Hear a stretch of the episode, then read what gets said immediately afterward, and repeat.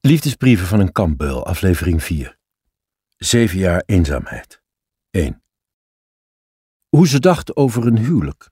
Dat vroeg Willem van der Neut in een brief die hij op 24 oktober 48 aan Erika stuurde.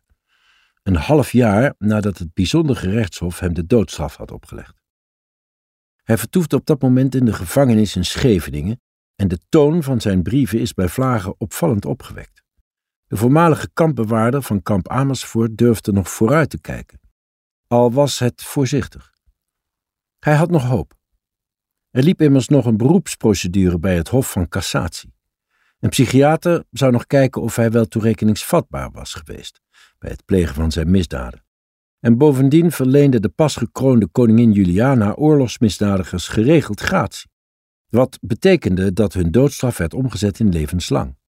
En dus vroeg Van der Neut of Erika met hem wilde trouwen, zodra zijn straf zou zijn omgezet in een lange gevangenisstraf. Dat was niet het eerste aanzoek. Eerder had Erika hem ook al afgewezen, bang als ze was dat het huwelijk haar staatloos zou maken.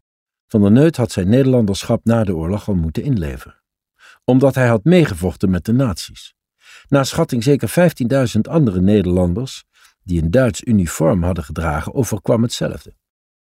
En ook nu was Erika niet erg happig. In zijn volgende brief beklaagde Van der Neut zich dat ze niet reageerde op zijn aanzoek. Je zal wel denken, waarom vraagt hij me dat niet als ik op bezoek ben? schreef hij op 31 oktober. Dat zou ik wel doen als we samen waren, maar als er een derde bij zit, kan ik daar niet over spreken. Er zijn zoveel dingen waar ik met je over zou willen praten, maar dat kan ik dan niet. 2. Lieve Erik, liefste Erik, lief vrouwke. Zo beginnen ze vrijwel allemaal. De 270 brieven die Willem van der Neut vanuit verschillende kampen en gevangenis schreef aan Erika. De eerste dateert van 12 september 46, toen Van der Neut vastzat in Laren. De laatste is van 21 december 52, kort voordat hij ontsnapte uit de koepelgevangenis in Breda. De antwoorden van Erika zijn, bij mijn weten, niet bewaard gebleven. De schrijfsels van Van der Neut liggen tegenwoordig in de kelder van het NIOT in Amsterdam.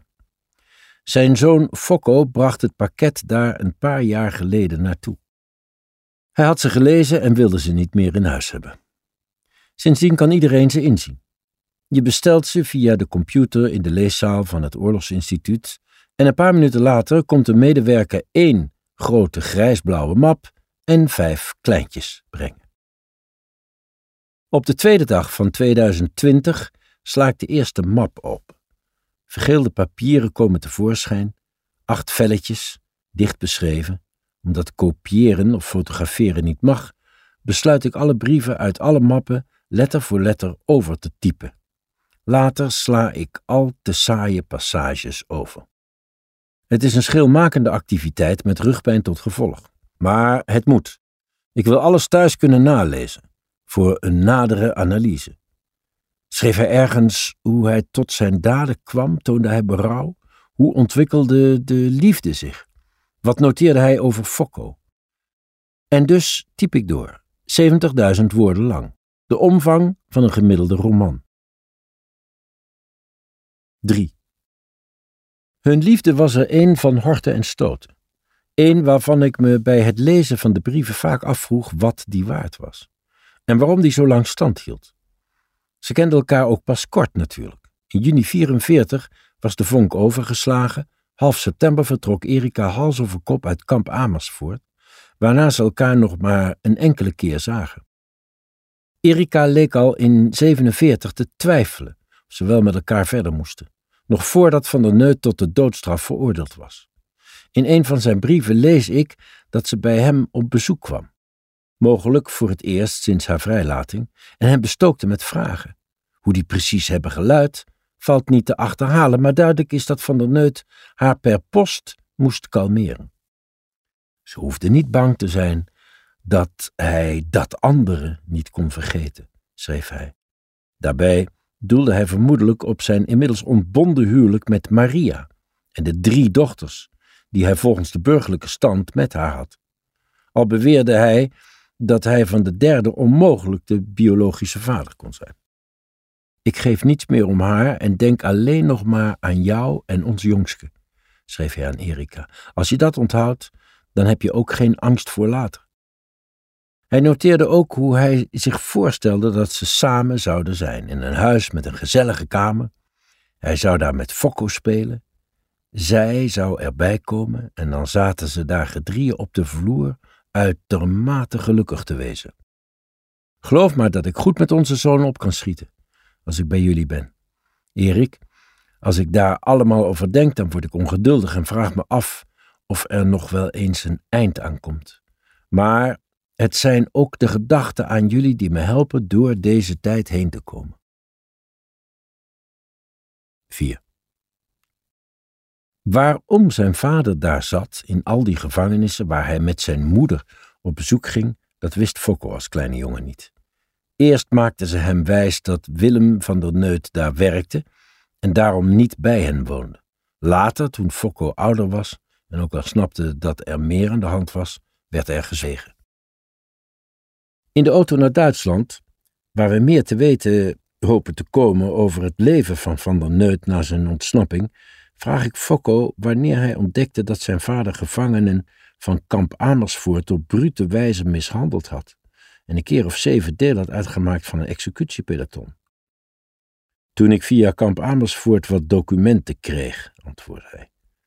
Vijf jaar voor ik met pensioen ging. Thuis werd er niet over gepraat. Wat wist je wel? vraag ik. Niet veel. Als ik er naar vroeg, zei mijn moeder, daar praten we niet over. Was je niet nieuwsgierig? Om de doodstraf te krijgen, moest hij iets uitgespookt hebben wat niet in de haak was, zegt hij. Ik wil dat eigenlijk niet weten, in die zin leek ik op mijn moeder. 5. Lieveling, nu moet ik je eerst een heel blije mededeling doen, schreef Van der Neut op 17 november 49. En dat is dat mijn beste kameraad B. Slop vanmorgen bij de directeur moest komen, door wie hem werd medegedeeld dat hij gratie had gekregen. Wat een opluchting zal dat voor zijn vrouw zijn. En voor hemzelf natuurlijk ook. Voor zover ik het kan nagaan, doelde Van der Neut op Bart Slop, die tijdens de Tweede Wereldoorlog betrokken was bij Aktion Zilbertanne. Onder die codenaam pleegden de Duitsers moordaanslagen en sluipmoorden op oranjegezinde Nederlanders, als vergelding voor aanslagen van het verzet. Voor elke dode collaborateur ruimden de nazi's drie Nederlanders uit de weg, vaak door ze in de deuropening van hun huis dood te schieten.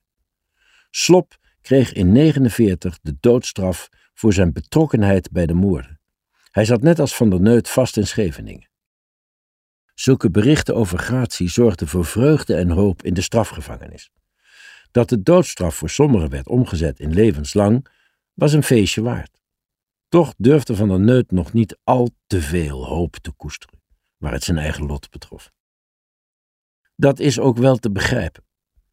Niet lang na het nieuws over Slop bereikte Van der Neut het nieuws dat Karl Peter Berg, de voormalige commandant van kamp Amersfoort, bij Fort Bijlmer was geëxecuteerd. Zulke dingen maken de stemming hier erg druk, schreef Van der Neut aan Erika. Er was dinsdagavond een muziekuitvoering, maar we hadden geen lust om er naartoe te gaan. 6. Liefde per briefpapier kreukelt snel. Zo stuurde Erika in de eerste dagen van 1950 een bericht waarvan de neut mee in zijn maag zat. Ze zou op 6 januari niet bij hem in Scheveningen op bezoek komen, hoewel hij dat graag wilde. Als ik jarig ben, kom je toch ook niet, had ze geschreven. Dan staan we kiet. Ik schrijf je nu precies waar het op staat, antwoordde Van der Neut op 4 januari. Het kan de laatste keer zijn dat ik jarig ben. Je moet je mijn toestand indenken. Dan begrijp je wat het voor me is als mijn vrouw en zoon juist op deze dag niet komen. Daarna schreef ze hem een tijd niet meer. Ze kwam een week later niet opdagen op de dinsdag dat hij haar verwachtte, en niet op de donderdag. Lieveling, smeekte Van der Neut op 12 januari, ik heb jou nodig om mijn kop boven water te houden. Dus schrijf me nu gauw. Ik heb nog hoop dat je morgen komt en al mijn zorgen om niets zijn geweest. Vrouwke, een kusje voor ons jongske en voor jou een innige kus van je wil. Ik heb je lief. Help mij. 7. Het lezen van de brieven van Van der Neut is geen onverdeeld genoegen. Ik erger me geregeld aan de pathetische platitudes, de herhalingen, het geklaag, de lompe zinsbouw en het schrijnende gebrek aan zelfreflectie waar het zijn misdaden betreft. Hij toonde nergens berouw. En toch betrap ik mezelf af en toe op een ongemakkelijk gevoel. Bijvoorbeeld als ik een passage lees waarin Van der Neut schrijft over de moeizame relatie met de toen driejarige Fokko. Wat zou ik hem graag eens thuis meemaken als hij in zijn gewone doen is, noteerde hij op 30 januari 49. Want als hij hier komt, dan zegt hij niet veel. Dat doet me wat. Ik heb zelf kinderen. Ook de passages waarin hij mijmert over de nog onbezorgde liefde raken me. Er is een tijd geweest dat ik naar je toe kwam als het me te machtig werd, schreef hij Erika op 10 juli 49. Niets kon me dan tegenhouden. Maar nu zijn het vier dikke muren die ons scheiden. En dat is iets waar ik niet tegenop kan. Ik vergeet soms even hoe hij met zijn knuppel de gevangenen de stuip op het lijf joeg. Hoe hij ze op nieuwjaarsdag in hun lompen door de sneeuw liet kruipen en hoe hij de trekker overhaalde bij een executie. Ach, denk ik dan, die man zonder zoon, die zoon zonder vader, die vrouw zonder man. Maar ja, medelijden met een kampbeul, kan dat wel? 8. Wachten, wachten, wachten. Er was weinig dat Willem van der Neut anders kon doen dan wachten. Op Erika. En op de koningin, die zijn gratieverzoek moest beoordelen. Ja, het duurt wel erg lang voor er een beslissing afkomt. Maar hoe langer het duurt, hoe meer ik de overtuiging krijg dat alles wel goed komt, schreef hij op 29 april in een brief aan Erika. Op 14 juni. Ik kan je wel zeggen dat ik de twee jaar dat ik aan het front in Rusland was, niet zo erg gevonden heb als deze laatste zeven maanden. Op 4 juli. De tiende van deze maand komt de nieuwe minister van Justitie in dienst en ik heb steeds het idee gehad dat daar op gewacht moest worden. Een dag later. Ik heb al een paar dagen lopen praktiseren dat het met mijn gratie toch wel een beetje lang duurt. Twee dagen later kreeg hij dan eindelijk bericht. 9. Op een kille februaridag stap ik met mijn ongemakkelijke medelijden café Wildschut in Amsterdam binnen. Ik heb een e-mail gestuurd naar de schrijver Gaia Polak, waarin ik mijn worsteling uiteenzet. Ze is bereid met me te praten. Het leven van Polak wordt getekend door die ene voorjaarsdag in 44. De dag waarop de Sicherheitspolizei haar vader en moeder kwamen halen op een onderduikadres in Rijswijk. Daarbij lieten de agenten de blonde Gaia, nog geen drie jaar oud, achter, omdat de politie per abuis naar een zoontje zocht omdat de vrouw bij wie ze ondergedoken zaten op geloofwaardige wijze acteerde dat Gaia haar dochter was. En omdat haar vader bewust geen afscheid van haar nam, om geen argwaan te wekken. De boeken van Polak, die broos oogt maar uitermate strijdbaar blijkt, gaan allemaal over de oorlog. En dan vooral over het verdriet, de napijn, de kleine Shoah, zoals ze het noemt. Ik wil vooral met haar in gesprek omdat ze enkele jaren geleden felle kritiek leverde op een boek van Isabel Barones van Boetselaar, wier vader tijdens de Tweede Wereldoorlog namens de Sicherheidsdienst Joden opspoorde en arresteerde. Volgens Polak schetst van Boetselaar in Oorlogsouders een veel te positief beeld van haar vader. Zo had Willem Baron van Boetselaar zich volgens zijn dochter bij de Waffen-SS gemeld, omdat hij daartoe was overgehaald door zijn foute schoonfamilie. Hij vocht aan het Oostfront omdat de communisten het op de adel hadden gemunt. En hij zat dan wel bij de SD, maar had naar eigen zeggen nooit iets met de vernietigingskampen te maken gehad. Gevaarlijke praatjes, vindt Polak. Isabel van Boetselaar vergoeilijkt de daden van haar vader door te suggereren dat hij geen andere keuze had dan zich bij de SS te melden. door niet te vertellen dat de nazi's, met wie haar vader meevocht, die strijd aan het oostfront zelf ontketend hadden.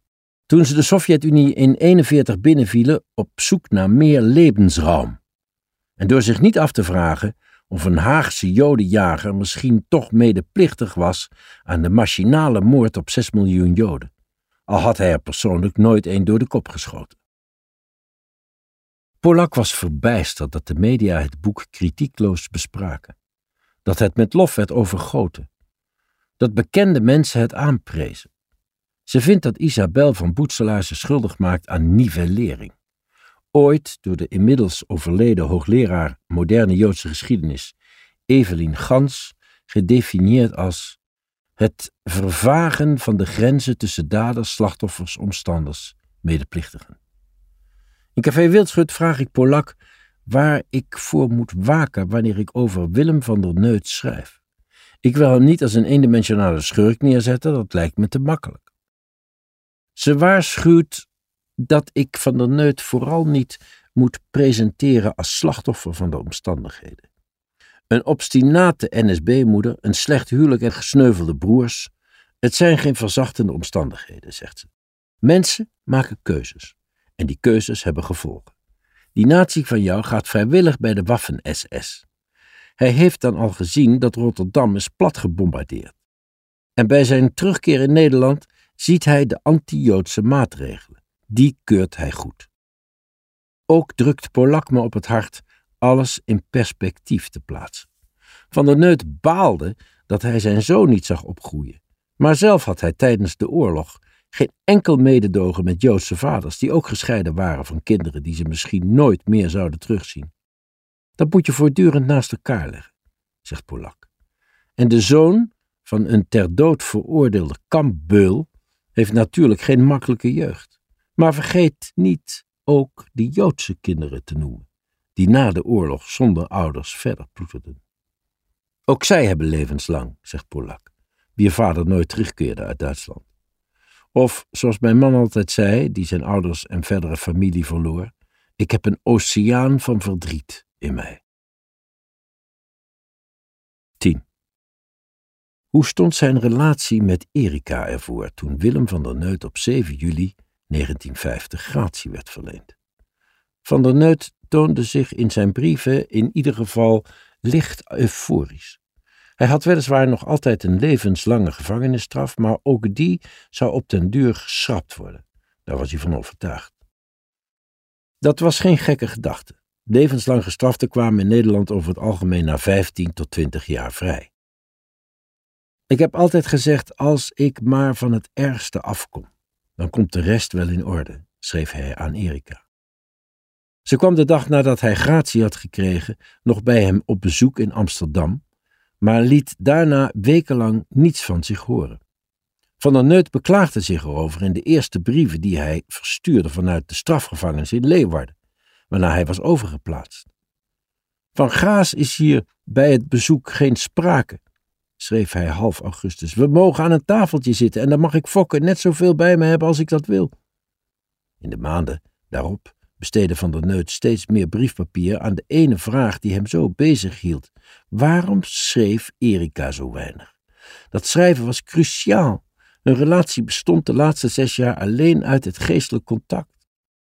Ja, schreef hij een week later, ik moet deze brief weer beginnen met te vragen waarom je me niet hebt geschreven. Hoe het met die operatie aan Fokko zijn amandelen is afgelopen. En twee weken erna. Vraagt hij nooit aan je waarom jullie niet meer naar papa toe gaan? Erika kreeg genoeg van dat gemekker om post. Half november dreigde ze hem nooit meer te schrijven. Waren er soms geen ergere dingen dan dat hij soms even op een brief moest wachten? Ze schreef ook dat anderen misschien dachten dat ze zingend en fluitend door het leven ging, maar dat ze van binnen in de knoop zat. Jij kon niet eens één aardig woordje schrijven, schreef Van der Neut terug. Haar brief had hij verscheurd. 11. Gaia Polak vertaalde haar verbijstering over het boek van Isabel van Boetselaar en de positieve bespreking in de media in een eigen boek. In De man die geen hekel had aan Joden, dat in 2018 verscheen, noteert ze haar bezwaren en spiegelt ze haar eigen familiegeschiedenis aan die van Van Boetselaar. De passage die me het meest bijblijft staat op pagina 118. Polak beschrijft daar hoe ze uit een la van een antieke kast in haar werkkamer vier vergeelde dicht beschreven velletjes pakt. Het zijn brieven die haar vader schreef vanuit kamp Westerbork, waar hij vastzat.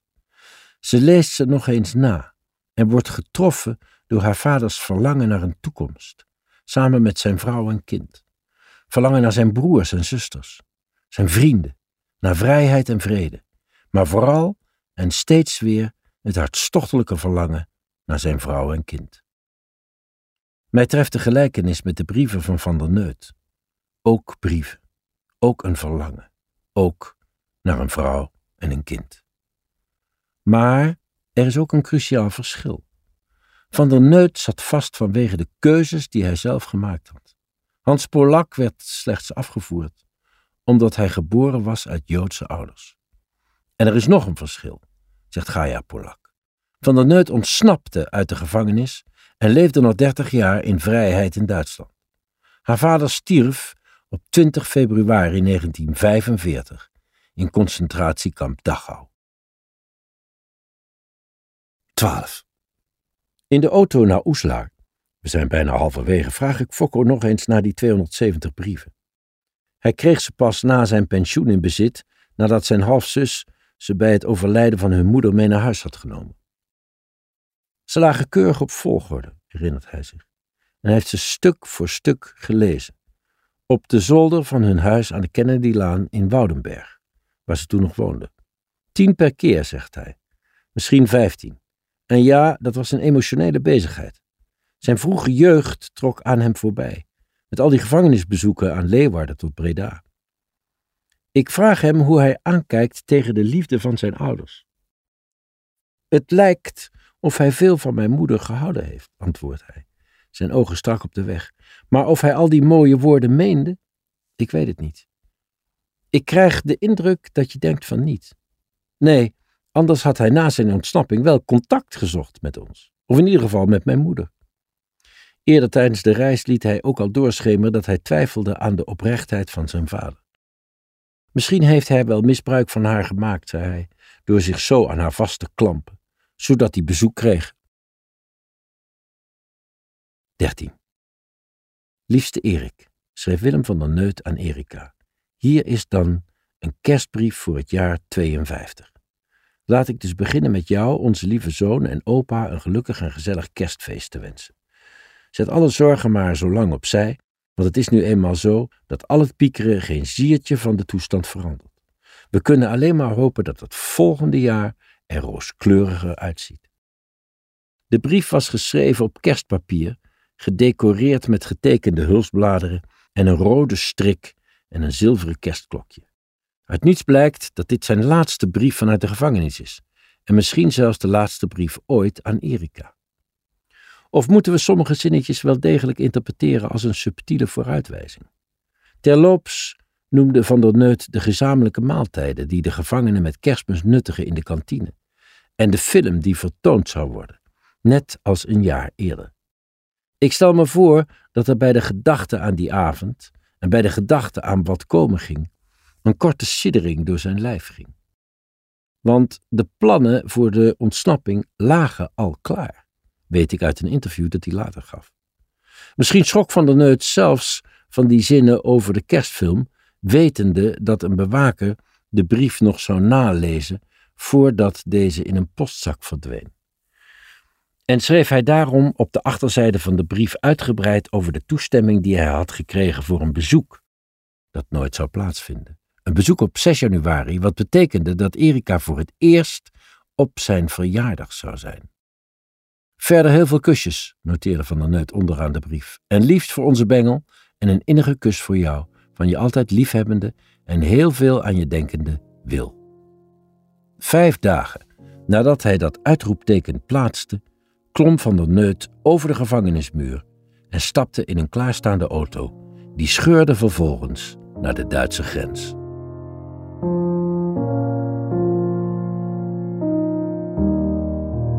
Het was een van de spectaculairste gevangenisontsnappingen uit de Nederlandse geschiedenis. Hoe wist Willem van der Neut op tweede kerstdag 1952 met zes andere oorlogsmisdadigers te ontkomen uit de koepelgevangenis in Breda? Je hoort het in aflevering 5, de ontsnapping.